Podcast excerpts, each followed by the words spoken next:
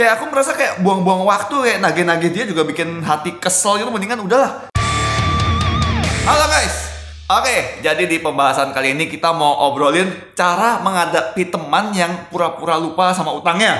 Dipo dulu deh ya.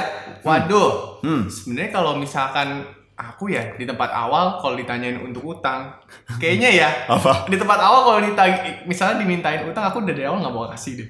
Oh, Aku ya kayaknya ya. maksudnya minjemin. Minjemin, iya. Dari awal ya udah nggak usah dipinjemin aja Iya. mendingan daripada terlibat.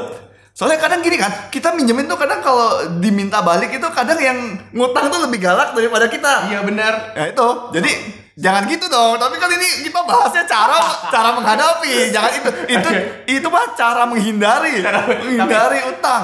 Kan katanya apa? Lebih baik daripada mengobati.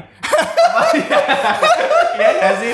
Iya. Soalnya kebanyakan kan kalau denger cerita-cerita orang kalau ngutang ujung-ujungnya oh gak dibalikin segala macam malah mau Iya. ah udahlah Di, diikhlaskan. Diikhlaskan. Nah, kalau aku sih itu eh, lebih pilih diikhlaskan. Diikhlaskan. Soalnya aku pernah zaman-zaman dulu pinjemin duit lumayan lah, lumayan gede lah, sangat gede teman. berapa kok?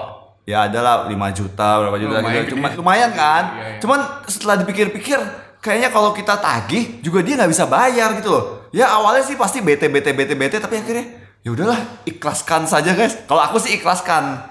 Ya coba diingatkan dulu nih kamu masih utang segini loh. Gimana? Dan kalau misalnya kayaknya kemungkinan dia nggak bisa bayar, ya udahlah. Kayak aku merasa kayak buang-buang waktu kayak nagih-nagih dia juga bikin hati kesel gitu. Mendingan udahlah ikhlaskan. Semoga nanti eh, apa kita dapat yang apa namanya? Yang lebih ya pasti dapat rezeki yang Ya dapat lagi. rezeki lain buat mengganti utang itu Tapi gitu. Kalau kayak gitu sebenarnya Koreza tuh bukan meminjamkan uang. Mem- sebenarnya Koreza membantu. Itu beda loh. Dua Oh. utang sama emang itikatnya untuk ngebantu. Tapi emang bener sih kalau Hmm. kebanyakan ngutang uh, orang minta ngutang itu emang harus mindsetnya sedikit kayak emang ya udahlah emang sekalian ikhlasin aja kan itu Iya. yang dari cerita Koko itu berarti Iya. dipetik Ya. Menarik, Jadi kalau cara dari kamu apa nih?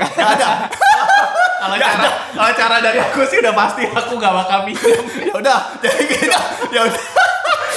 ya udah, kayak udah gini ya. Kalau cara dari aku ikhlaskan. Oke, kalau cara dari Dipo udah dari awal gak usah pinjam. preventif Oke guys, udah. Oke guys, itu ya caranya ya. Oke, jadi sampai jumpa di obrolan berikutnya. Dah. Cara apa itu? daripada bete-bete Oke.